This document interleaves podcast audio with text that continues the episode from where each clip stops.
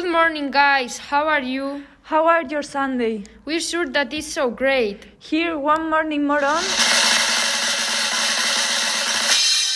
Talk to talk. The program Radio Top 1 on the second week consecutive.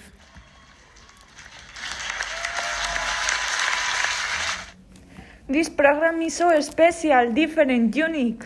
Today we have two special guests. Sophie, that lives in Canada, and Alice, that lives in Japan. But before that, we can't forget our country. Spain!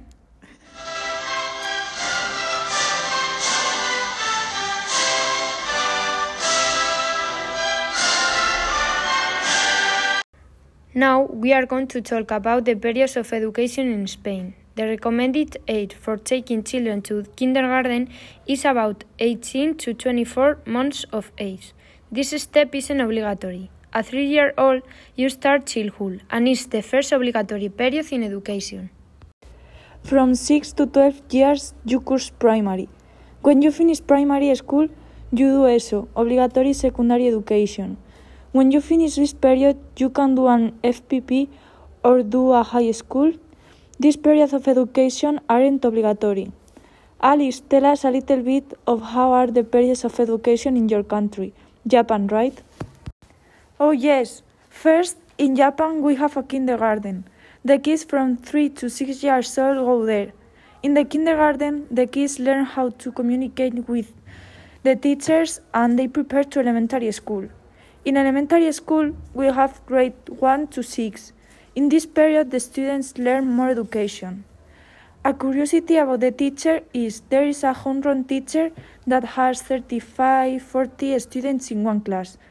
When the teacher comes to the class, it's very important to read and stay in complete silence. In junior high, we have grade 7 to 9. At this stage, we think about what you're doing to do in high school. After class, we have different sports clubs like tennis club or music club. In high school, there are grade to 10 to 12. In my city, there are five different public schools. In Japan, not only do subjects like physical education or maths, also we learn calligraphy, wood carving, etc. Every school has outdoor swimming pool, and in junior high, we came often to the swimming pool.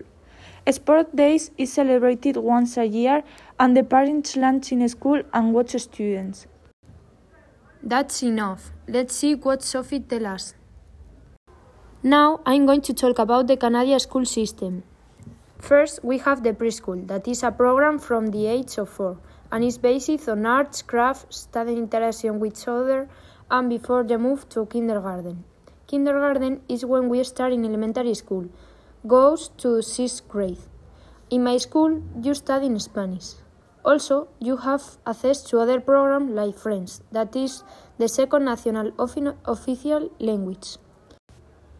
We start elementary school at the age of five.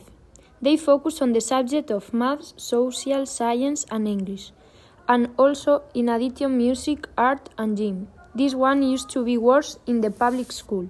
Families also have to choose between public school, private school, Catholic school, etc. Each one is focused on different things. After elementary, I went to junior high from 7th grade to 9th grade. I still continued with the Spanish program, but there are also half more options like band, art, photography. Then you move from junior high to high school to 10th grade to 12th grade. In Canada, it's necessary to stay in the school until they are 16.